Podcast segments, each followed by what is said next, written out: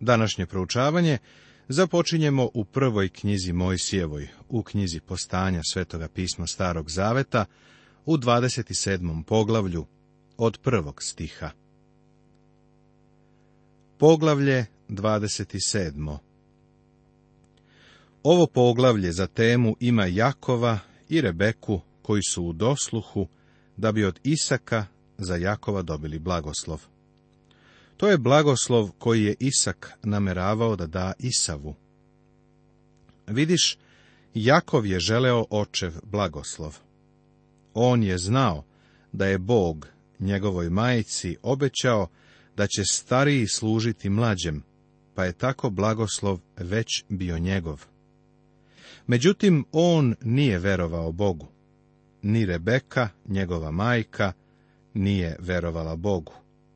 Očigledno ni Isak, njegov otac, nije verovao Bogu, jer ne bi nameravao da zaobiđe Jakova i svoj blagoslov da Isavu. Išao je za svojim osjećanjima i sklonostima koji su bili protivrečni jasnoj Božjoj reči. Metod koji je Jakov upotrebio da bi postigao pravorodstvo ne može se podržati ni na kakvoj osnovi. On se služio obmanom, i prevarom. Njegovo ponašanje je bilo podlo. Bog ovo nije zaboravio, ništa manje nego Avramovo i Sarino ponašanje u vezi sa Agarom i Ismailom. Bog nije mogao da koristi Jakovljevo lukavstvo i umešnost. Kao što ćemo vidjeti, Bog će se na vrlo jasan i određen način pozabaviti ovim čovekom. Jakov je morao da plati za svoj greh. Dobio je ono što je zaslužio. Primetit ćeš to kada budeš ušao u ovo poglavlje. Poglavlje 26. završava sa Isavom, koji je imao oko 40 godina i oženio je dve hetejke. Ovo je za Isaka i Rebeku bila žalost. Tada su shvatili da ako ne žele da i Jakov oženi hetejsku ili filistejsku devojku, onda moraju da ga pošalju u Haran, gde je i Isak dobio nevestu iz Avramove porodice. Isak obećava blagoslov Isavu. Kad Isak ostare i oči mu potamneše, te ne viđeše, dozva Isava starijeg sina svojega i reče mu, sine, a on odgovori, evo me. Tada reče, evo ostario sam, ne znam kad ću umreti. Uzmi oružje svoje, tul i luk, i izađi u planinu, te mi ulovi lova. Izgotovi mi jelo po mojoj volji i donesi mi da jedem, pa da te blagoslovi duša moja dok nisam umro. Vidjeli smo da je Isak bio izvanredan čovek, veliki čovek. Avimeleh i Filisteji došli su kod njega da sa njim naprave ugovor, jer su ga se plašili. On je bio strpljiv i miroljubiv, ali i istaknut i silan. Međutim, ovde on otkriva slabost svoga tela. Sve vreme života Isav je bio njegov omiljeni sin, dok je Jakov bio Rebekin voljeni sin. Isav je bio momak koji je vreme provodio na polju, u prirodi, koji je odlazio i donosio košutu ili neku drugu životinju. On bi to ispekao i starac bi u tome uživao. Sada je Isak vrlo star i želi da blagoslovi svog sina ljubimca. On vrlo dobro zna da je Bog rekao da će stariji služiti mlađemu, ali on to zaobilazi, jer želi da blagoslovi Isava. Zato on kaže Isavu da ide i donese neko meso, pa će ga zbog toga blagosloviti.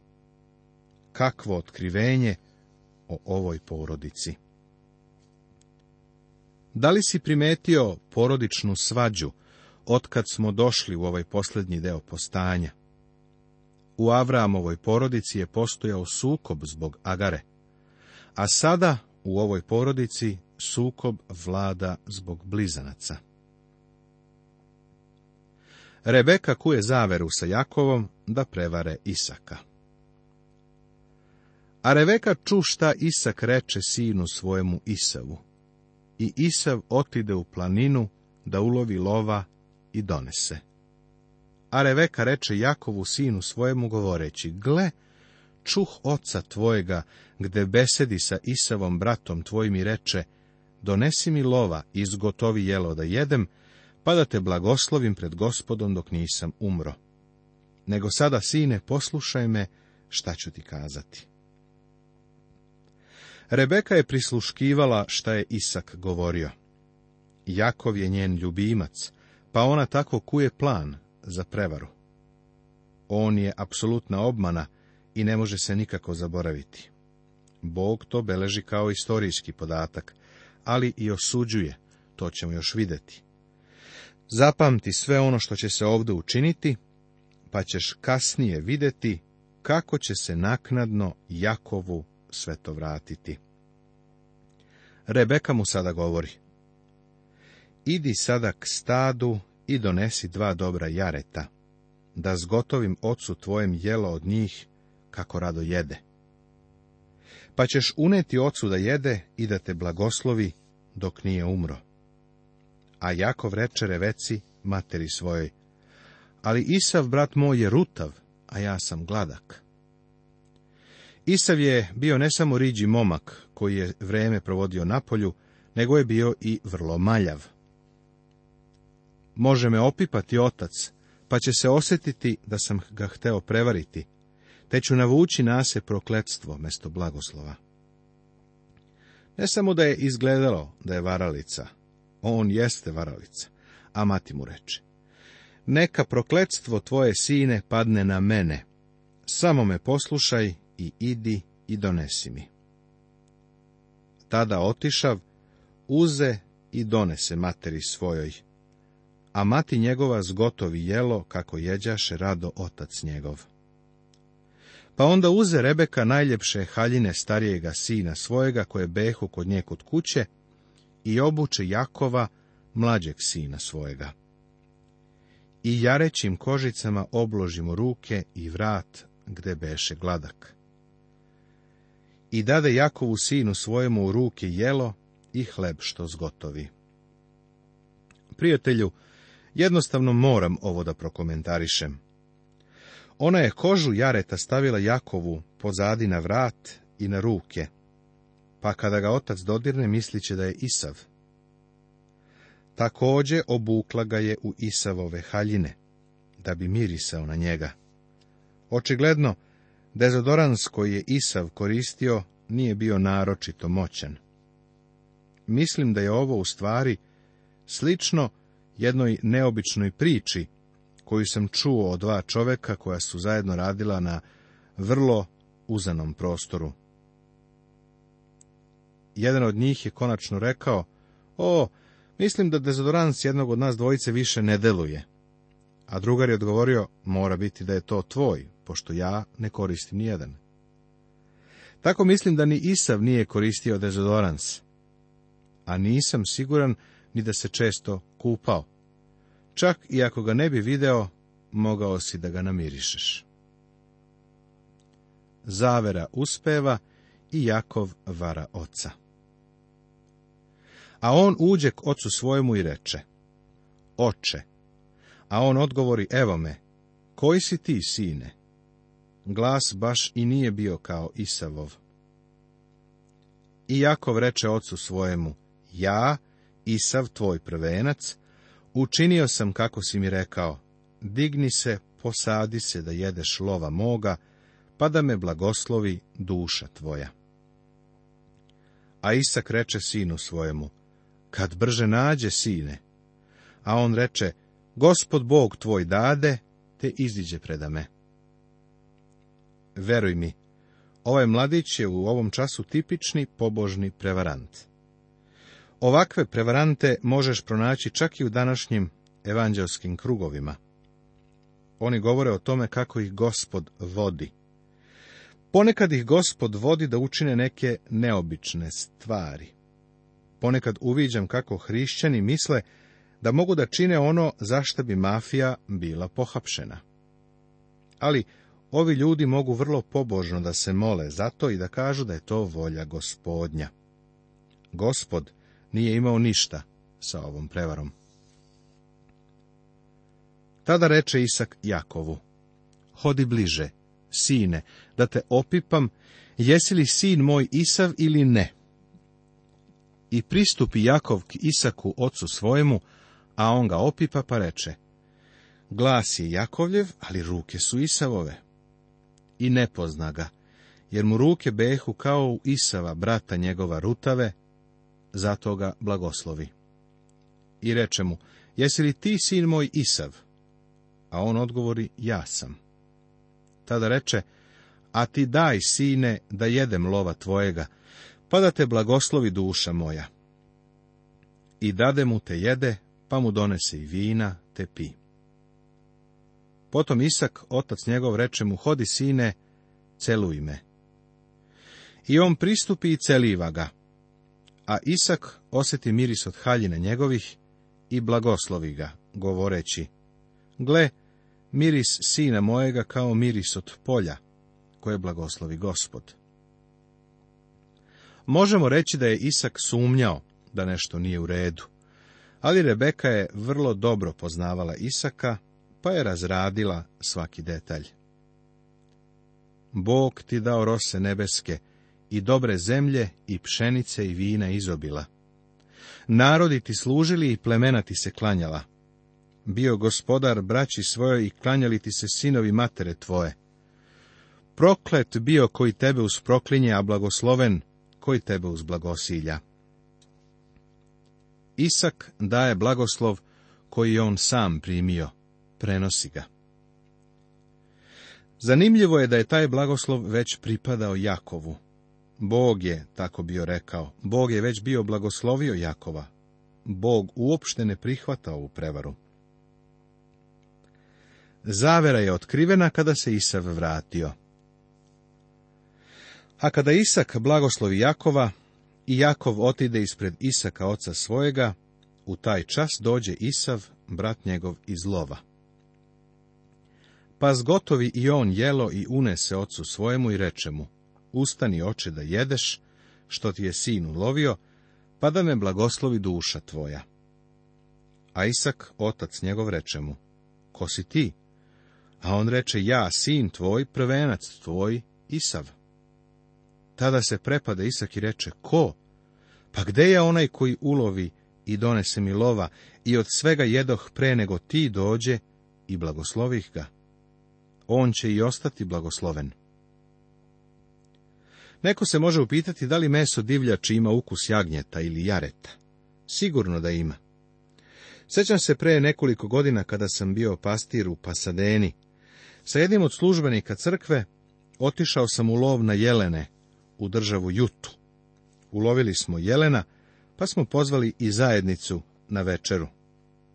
Hteli smo da se provedemo, da imamo zajedništvo i da nam bude zabavno nismo imali dovoljno mesa za sve ljude, pa smo kupili dva jagnjeća buta i skuvali ih sa ostalim mesom.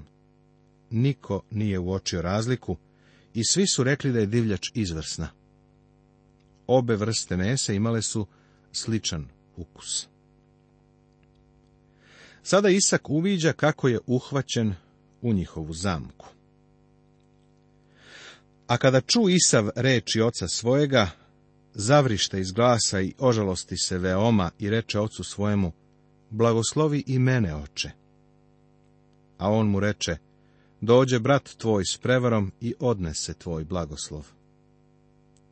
A Isav reče, pravo je što mu je ime Jakov, jer me već drugom prevari. Prvenaštvo mi uze, pa eto sada mi uze i blagoslov. Potom reče, nisi li i meni ostavio blagoslov? A Isak odgovori. I reče Isav. Eto sam ga postavio tebi za gospodara. I svu braću njegovu dadoh mu da mu budu sluge. Pšenicom i vinom ukrepih ga. Pa šta bih sada tebi učinio, sine? A Isav reče ocu svojemu. E da li je samo jedan blagoslov u tebe, oče? Blagoslovi i mene, oče, i stade iz glasa plakati Isav. A Isak, otac njegov odgovarajući, reče mu, Evo, stan će ti biti na rodnoj zemlji i rosi nebeskoj ozgo. Ali ćeš živeti od mača svojega i bratu ćeš svojemu služiti. Ali će doći vreme, te ćeš, pošto se naplačeš, skršiti jaram njegov s vrata svojega. Rebeka šalje Jakova kod Lavana. I Isav omrze ljuto na Jakova radi blagoslova, kojim ga blagoslovi otac, i govoraše u srcu svojem. Blizu su žalosni dani oca mojega, tada ću ubiti Jakova, brata svoga. Isav razmišlja, moj otac je star i neće još dugo živeti. Čim on umre, ubiću Jakova, otarasiću ga se. Ovo je misao njegovog srca, i on je očigledno o ovome govorio drugima. I kazaš reveci reči Isava sina njezina starijega, a ona poslavši dozva Jakova, mlađega sina svojega i reče mu, Gle, Isav, brat tvoj, teši se tim što hoće da te ubije, nego sine, poslušaj šta ću ti kazati. Ustani i beži klavanu bratu mojemu u Haran. Ovde ponovo vidimo kako Rebeka uzima stvari u svoje ruke. Ona kaže Jakovu, moraš da odeš iz kuće. Nije znala da će platiti za svoj udeo u ovome, za svoj greh. Nikada više nije videla svoga sina. Rekla je da će ga poslati na kratko, ali je bilo dovoljno dugo da je ona umrla pre nego što se on vratio. Moramo imati na umu da je Jakov njen miljenik. Ona želi da Jakov ide kod njenog brata Lavana, pa ga tamo i šalje. Tu će Jakov da nauči lekciju. Tu će, što bi rekli, da zaigre mečka i pred njegovom kućom. Stari čika Lavan će ga sprovesti kroz školu i naučiti nekim stvarima. Jakov je mislio da je vešt, ali je Čikalavan stručnjak u veštini siroti Jakov će vidjeti da je puki amater, pa će u očaju zavapiti Bogu pre nego što sve bude gotovo. I ostani kod njega neko vreme, dokle prođe srdnja brata tvojega. Dokle se gnev brata tvojega odvrati od tebe, te zaboravi što si mu učinio. A onda ću ja poslati da te dovedu odande. Zašto bih ostala bez obojice vas u jedan dan? Zapazi da ona kaže da će ga poslati na nekoliko dana. Nekoliko dana se produžilo na dvadeset godina, a za to vreme ona je umrla. Nikada više nije vidjela svoga sina, svog mezimca, miljenika. Možemo da zamislimo Rebekin život tokom tih godina. Isav sigurno, nakon one kratke epizode, nije mnogo mario za majku. A Isaku reče Reveka, omrzao mi je život radi ovih hetejaka. Ako se jako voženi hetejkom, kakom između čeri ove zemlje, da što mi život onda? sjeti se da je Isavo ženio neznabožačke, bezbožne žene. To je već bilo donelo žalost u kuću, pa je i Rebeka time bila ophrvana. Sada ona govori Isaku da ako Jakov ostane i on će verovatno učiniti isto. Ovo je mogla da iskoristi kao izvrstan izgovor, da Jakova odvoji od kuće, da bi ga zaštitila od Isava. Sa Isakom je održala taj kratki sastanak, da bi ga ubedila da treba da pošalju Jakova njenoj porodici, njenom bratu Lavanu. Seti se kako je Avramov sluga išao tamo da nju dovede. Sada je stvar u tome da Jakov ode tamo da pronađe ženu, ali i da se skloni od opasnosti. Iskreno govoreći, mislim da je ostao kod kuće, Isav bi pokušao da ga ubije. Međutim, sve se okrenulo. Rebeka je prva umrla, a Jakov se vratio na očevu sahranu. Ali on nikada više nije video svoju majku. Poglavlje 28. U prethodnom poglavlju vidjeli smo kako Jakov čini jednu od najpodlijih i najzlobnijih stvari koju čovek može da učini. Učinio je to uz odobrenje svoje majke. Znaš, ponekad se ljudi opravdavaju i kažu da su bili zli, zato što ih majka nije volela kad su bili mali. Veruj mi, Jakov to nije mogao reći. Jakov je bio voljen i razmažen. Kada se od njega tražilo da uradi nešto što nije časno, on bi to uradio i od svog brata je ukrao prvenaštvo. Nastavit će se.